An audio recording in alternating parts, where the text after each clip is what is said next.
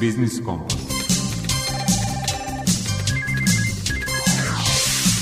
Biznis Kompas.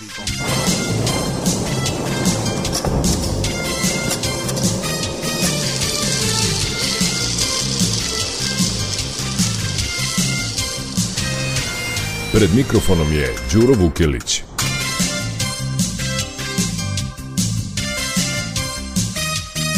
Dobar dan poštovani slušalci. Potrošili smo i 2021. godinu. Poneko je i zaradio, a život ide dalje. Dalje ide i Biznis Kompas sa stalnim rubrikama i novim sagovornicima i temama. Evo ukratko i sadržaja. U rubrici Aktuelno koleginica Vesna Balta govori o poslovanju malih i srednjih preduzeća u uslovima pandemije mukotrpno održavanje likvidnosti, prekinuti lanci snabdevanja i promenjene navike potrošača, zajedničke su nevolje i malih i velikih firmi. Gost autor rubrike iz mog ugla je Aleksandar Macura, a tema je značaj energetske efikasnosti u krizi snabdevanja i poskupljenja energenata. Koleginica Branka Dragović-Savić u rubrici Svet preduzetništva predstavlja preduzetnička iskustva Stefanije Lukić, vlasnice firme Just Smart. Tema rubrike Predmet financije je osiguranje od posledica nezgode. Kada se i kako osigurati, savjetuje vas savjetnik za zaštitu korisnika finansijskih usluga u Narodnoj banci Srbije Nikola Đukić. U rubrici Potrošačka korpa prava naš savjetnik iz Udruženja potrošača Vojvodine Mladen Alfirović podsjeća na propise kojih bi prodavci trebalo da se pridržavaju za vreme novogodišnjih rasprodaja.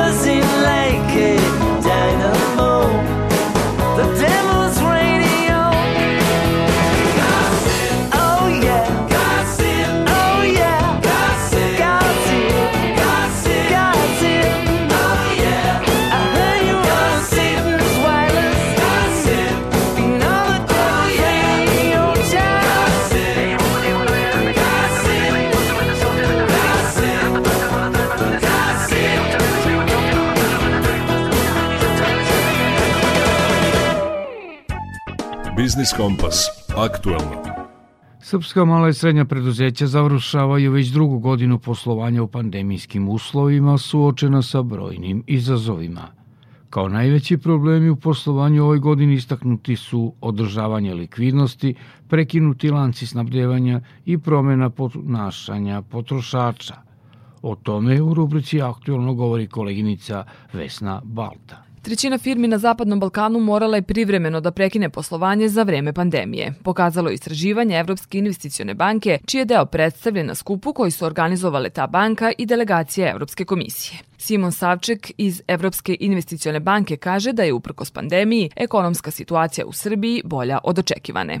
Srbija je dobro prošla kroz prethodnu godinu, BDP pao samo 0,9%, oporavak je već dosta snažan, tako da je situacija u Srbiji bolja nego što smo se inicijalno plašili. Dodaje i da je udarac pandemije na privrede zemalja Zapadnog Balkana bio raznolik. Hoteli, restorani su bili jako pogođeni, sve ono gde socijalna distanca, društvena distanca pogađa poslovanje. Drugi sektori su bolje prošli. Druga stvar, imali smo značajnu, veoma značajnu političku podršku. U Srbiji smo imali monetarnu podršku, fiskalnu podršku koja je sprečila gore rezultate. Član Fiskalnog saveta Nikola Altiparmakov smatra da su fiskalni stimulansi države našoj privredi u 2021. bili dovoljni. Mislimo da je moglo i da se postigne isti efekat i sa manjim rashodima, da su bili bolje targetirani. Konkretno, mi smo za razliku od onog prvog paketa gde su bila mala i srednja preduzeća, u ova drugi i treći paket je uključivo i velika preduzeća, što mi mislimo da nije bilo najefikasnije za stanovišta budžetskih rashoda. Likvidnost je bila jedan od ključnih problema u poslovanju malih i srednjih preduzeća. Prema podacima Privredne komore Srbije,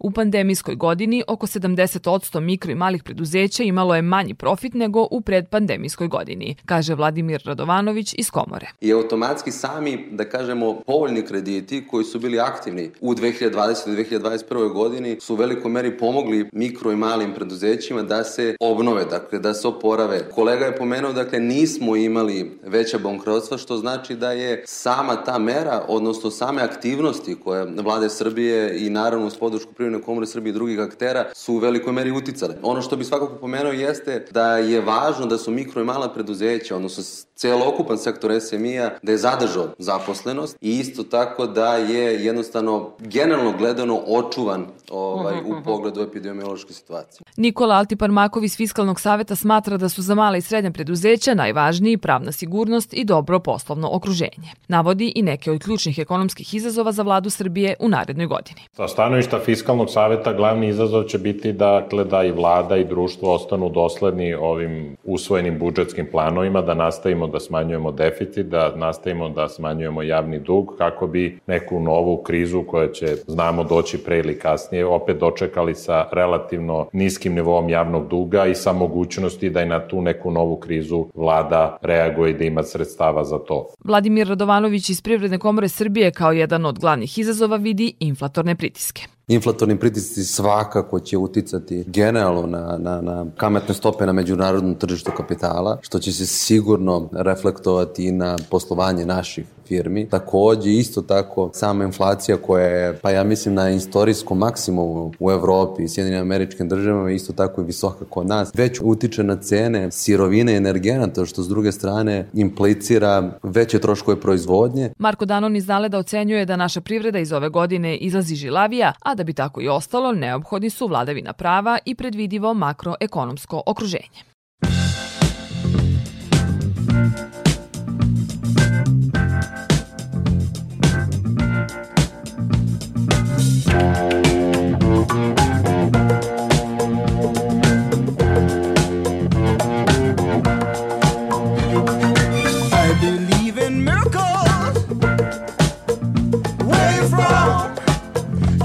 Sexy thing, sexy thing, you. I believe in miracles. Since you came along, you sexy thing.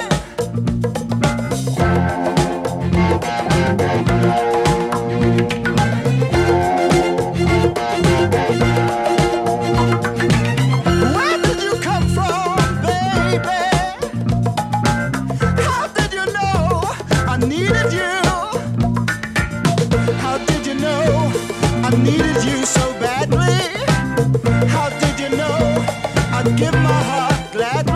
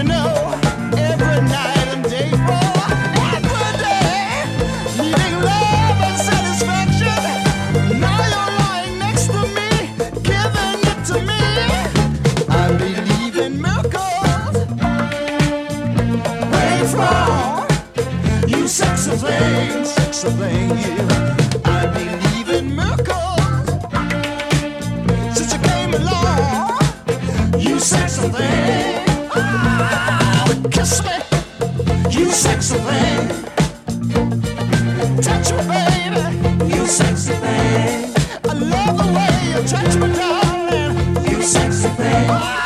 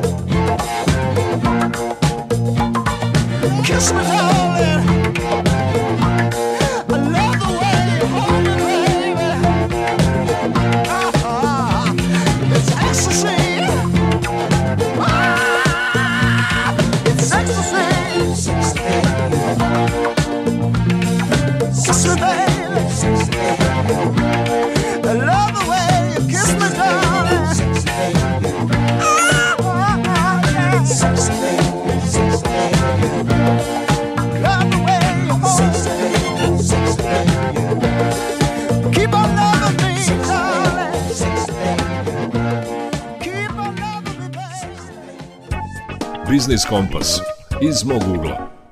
Kriza sa snabdevanjem i cenama energenata koja je poslednjih meseci zavladala svetom još jednom nas je upozorila koliko su važne energetska efikasnost i racionalna potrošnja. O tome u rubrici iz mog ugla govori programski direktor u RES fondaciji Aleksandar Macura. Bliži nam se kraj 2021. godine u kojoj su veoma burna dešavanja obeležila energetiku ne samo Republike Srbije, nego i Evrope i čitavog sveta. E, Suočavamo se sa pretnjom e, po sigurnost snabdevanja u pogledu snabdevanja prirodnim gasom, cene električne energije i prirodnog gasa su veoma visoke i sve to nas čini mi se ponovo poziva da dobro promislimo o svojim delovanjima koji su vezane za proizvodnju i korišćenje energije. U privatnom sektoru i u javnom sektoru e, gde se nalaze korisnici energije, ja mislim da je ponovo vreme da se veoma ozbiljno i relativno brzo razmotre moguće investicije u energetsku efikasnost, pa i u korišćenje obnovljivih izvora u meri u kojoj je to moguće. U 2022. godini ćemo se sasvim sigurno suočiti sa višim računima za energente svih vrsta i to je nešto što neće biti moguće u potpunosti izbeći. čak i ukoliko se Republika Srbija i druge države a, odluče da pokušaju da udar cenovni na a, energente ublaže, neće biti moguće u potpunosti ukinuti uticaj dešavanja na globalnim tržištima na cenu energenata. Kako su energenti nama input u proizvodnju, dakle svim privrednim subjektima su input u proizvodnju raznih dobara i usluga koje su nam potrebne i javnom sektoru su neophodni za funkcionisanje, ne možemo puno uticati e, na promenu načina na koji to radimo i ono što možemo da uradimo je da investiramo u energetsku efikasnost više. Iako niko ne želi više cene, vreme viših cena koje nas verovatno očekuje, znači takođe i brži povraćaj investicija u energetsku efikasnost. Pretpostavljam i nadam se da će i finansijski sektor biti u stanju da isprati potrebu za unapređenjem energetske efikasnosti u privatnom i u javnom sektoru i da će sredstva iz finansijskog sektora bilo ona koja su u potpunosti komercijalna, bilo neka druga sredstva biti stavljena na raspolaganje privredi i javnom sektoru za ubrzano i uvećano sprovođenje mera energetske efikasnosti.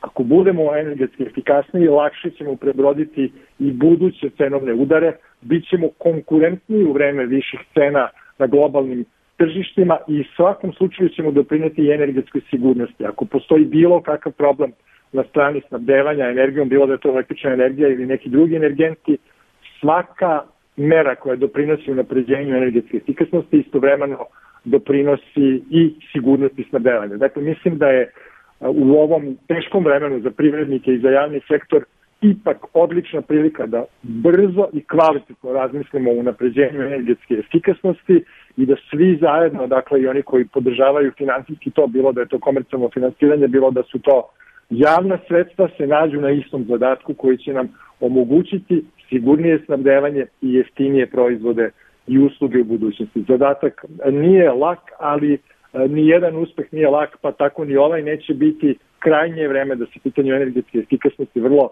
ozbiljno posvetimo i ovaj trenutak sa energetskom krizom koja je u celoj Evropi i svetu i u Republici Srbiji takođe je trenutak u kome moramo ovom temom da se bavimo.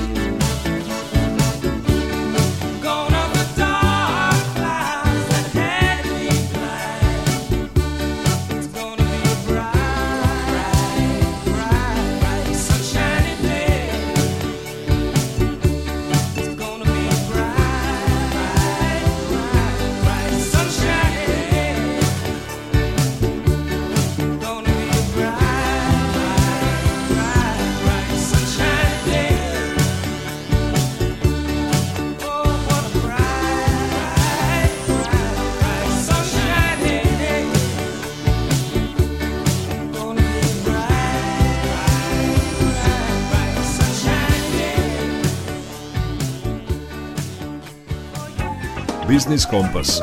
Svet preduzetništva. Firma Just Smart postoji šest godina i bavi se edukacijom u online okruženju. Njena vlasnica i suosnivačica Stefanija Lukić objašnjava kako je izgledao put od biznis ideje do razvoja edukativne platforme. Zabeležila koleginica Branka Dragović-Savić. Naša delatnost je zapravo EdTech, to jest edukativne tehnologije. Pre nekih šest godina, kada se još uvek niko nije razmišljao o tome da će deca jednog dana učiti online, mi smo zapravo pokrenuli tu jednu web platformu, tu jednu ideju da lekcije za osnovnu školu mogu biti u digitalnom formatu, mogu biti na webu, dostupne svoj deci, putem računara, smart uređaja ili nekim drugim tabletima, mobilnim telefonima i da one mogu da budu interaktivne. Ta ideja zaživela je zahvaljujući ljudima koji su prepoznali da mi imamo ambiciju, da mi imamo želju i naravno da imamo i znanja i volju. I danas smo kompanija koja jako fino posluje i jako lepo radimo i naše tržište se širi, pa više to nije samo jedan brend, sad ih imamo dva, širimo se na tržište Severne Makedonije. Mi smo korisnici fonda za inovacijnu delatnost bili 2019-2020. godine. Dobili smo mini grant i to je nama puno značilo. Mi smo se u trenutku kada smo mi već dokazali naš biznis model i prijavili za ta sredstva i bila su nam jako značajna u smislu skaliranja, to je povećanja našeg uopšte tržišta, dokle možemo stići šta možemo uraditi, ali su bila jako, jako značajna i za te neke izmene koje smo mi već znali da treba da napravimo, to jest videli kroz testove po ponašanju naših korisnika, kako zapravo mi taj naš proizvod možemo da unapredimo. Moram da kažem da e, sam proces dobijanja novca kod inovacijnog fonda je ovaj značajan jer vas natera kroz pisanje tog projekta da se i vi preispitate, da i vi razmislite koliko zapravo ta vaša ideja ima smisla, koliko ona u samom tržištu može biti funkcionalna. I onda kada vi to dobro promislite, neke stvari i uh, unapredite čak i u vašoj ideji, u toj vašoj projektnoj dokumentaciji, ali kada dođete u izradu, sama ta podrška ljudi koji su u fondu u tom trenutku radili i ta struka, to što vi naučite, danas je za nas neprocenjivo. Tako da mnogo znači, mnogo znači za samopouzdanje, za znanje i znači za budućnost svakako.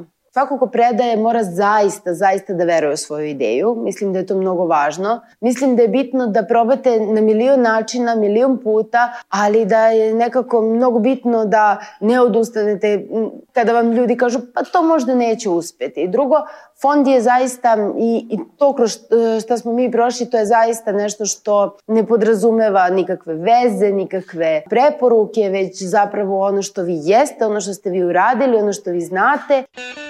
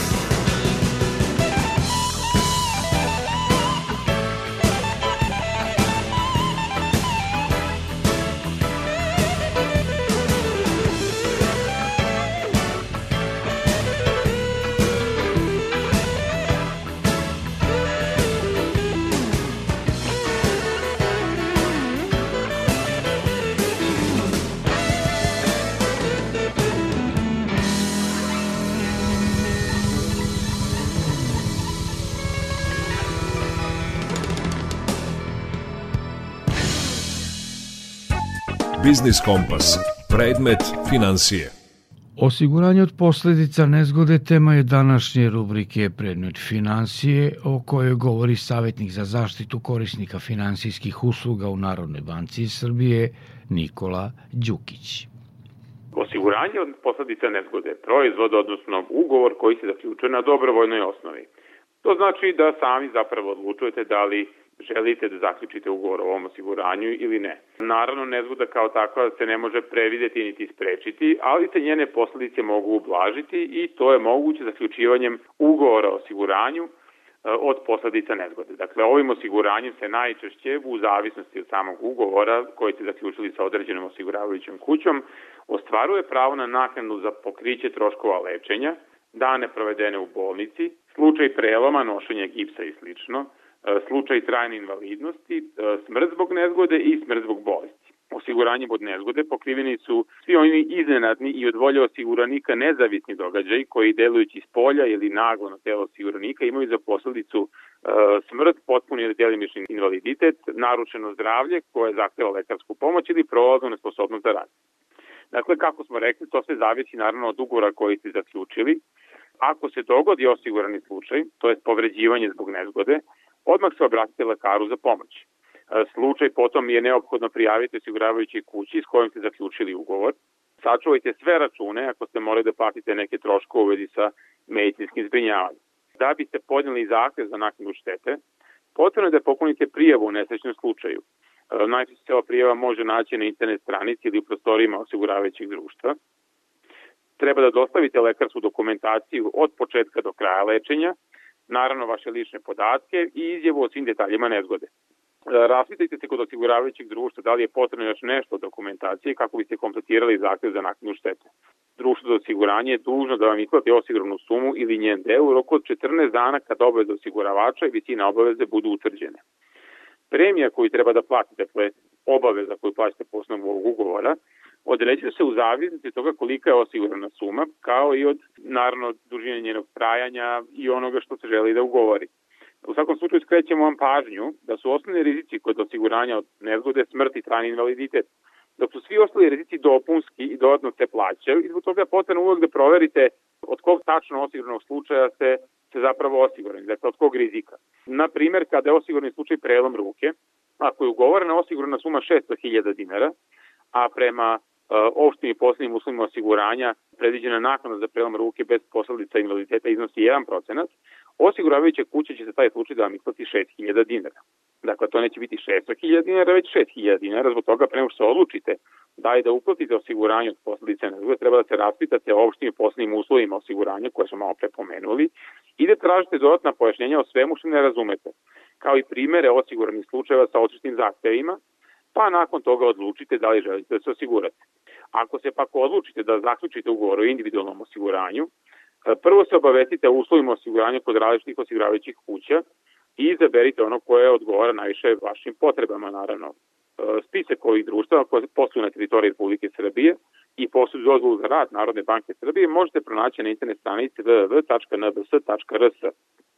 Takođe tražite da vam zastupnik u osiguranju, prodavac osiguranja, objasni sve što vas zanima u sa ugovorom koji imate nameru da zaključite. Posebno obratite pažnju na tekst i sitnim, slovima na policiji. Potpišite ugovor o osiguranju samo ako ga razumete. Ne uplaćujte novac na ime osiguranja dok ne pročitate opšte i posebne uslove i ne potpišete polisu. I tražite da vam se ostavi vreme da detaljno proučite, pročitate i potpuno razumete opšte uslove osiguranja. Dakle, oni su sastavni deo ugovora koji potpisujete i primenjuju se i na vaš slučaj. Ukoliko osiguranje kupujete preko zastupnika ili posrednika, uplatu ne morate da, da izvršite u gotovini, već tražite uplatnicu kojom ćete uplatu izvršiti preko banke ili, ili pošte ili drugog pružaca platnih usluga kako biste imali dokaz o izvršenoj uplati.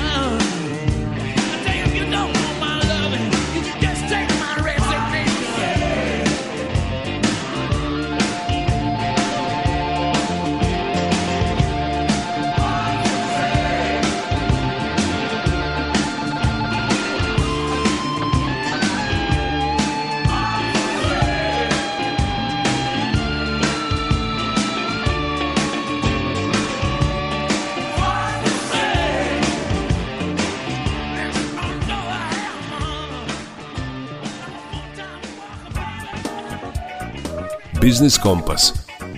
Potrošačka korpa prava. U rubrici Potrošačka korpa prava naš savjetnik iz Udruženja potrošača Vojvodine Mladen Alfirović podsjeća na propise koji bi prodavci trebalo da se pridržavaju za vreme novogodišnjih rasprodaja. Slušalcima i poziv da svaku nepravilnost prijave tržišnoj inspekciji ili jednom od potrošačkih udruženja. Prema novom zakonu o trgovini koji je stupio na snagu 2019. godine, jasno su razvojeni pojmovi kao što je akcija, rasprodaja i sezonsko sniženje. Dakle, sezonsko sniženje kad se oglašava, ono može da traje najduže 60 dana i organizuje se dva puta godišnje, kao letnje i zimsko.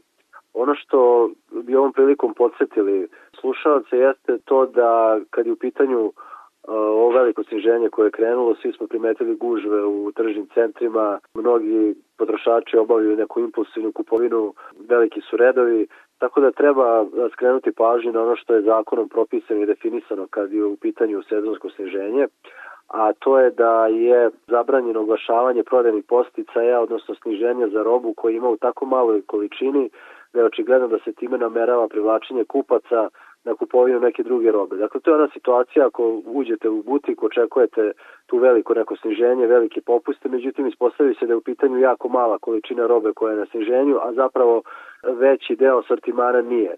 To je prekršaj i to bi sve trebalo, ukoliko je neko zainteresovan, da se malo lično uključi u, u želju svih nas da se izborimo za poštovanje zakona u praksi, da se te situacije prijavljuju ili potrošačkim organizacijama ili tržišnoj inspekciji kako bi ti nesavesni trgovci koji dalje na neki način dovode u zabludu kupce bili sankcionisani.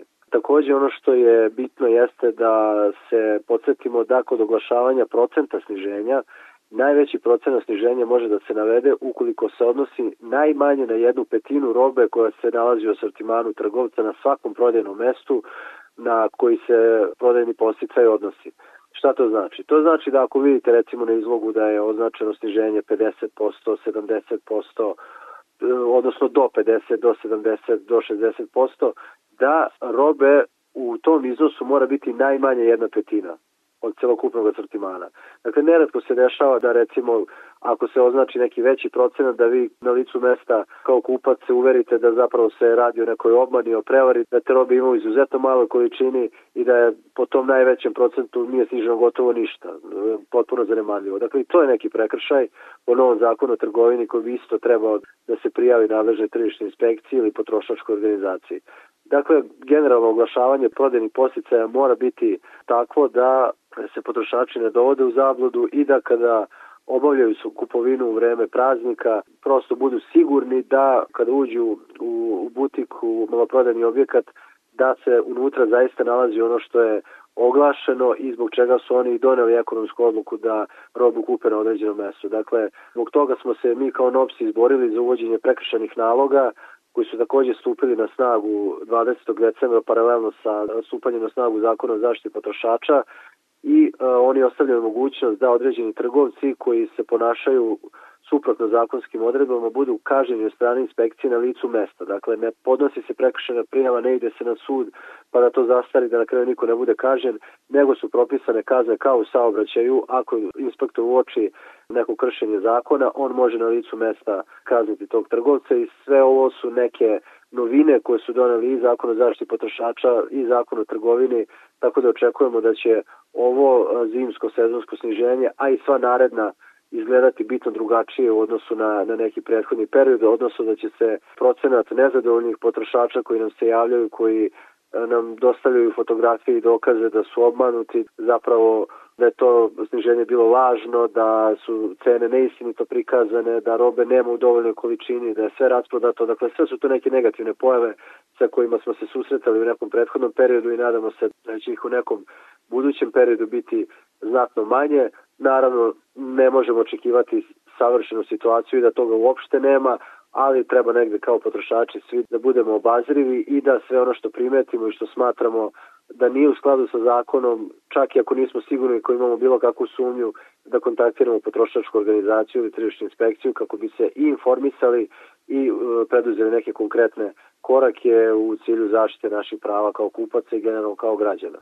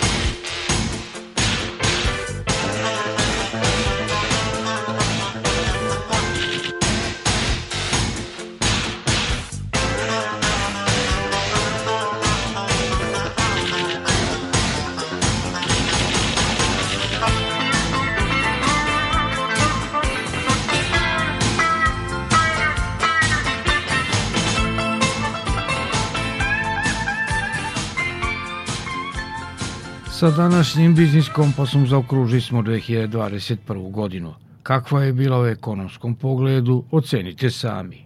Nadajmo se boljoj i profitabilnijoj 2022.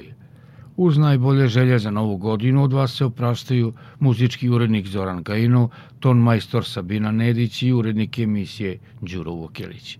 Slušajte nas i odloženo na internet stranici Radio Televizije Vojvodine podcastu Odloženo slušanje – i ono najvažnije, zdravi bili i čuvajte se.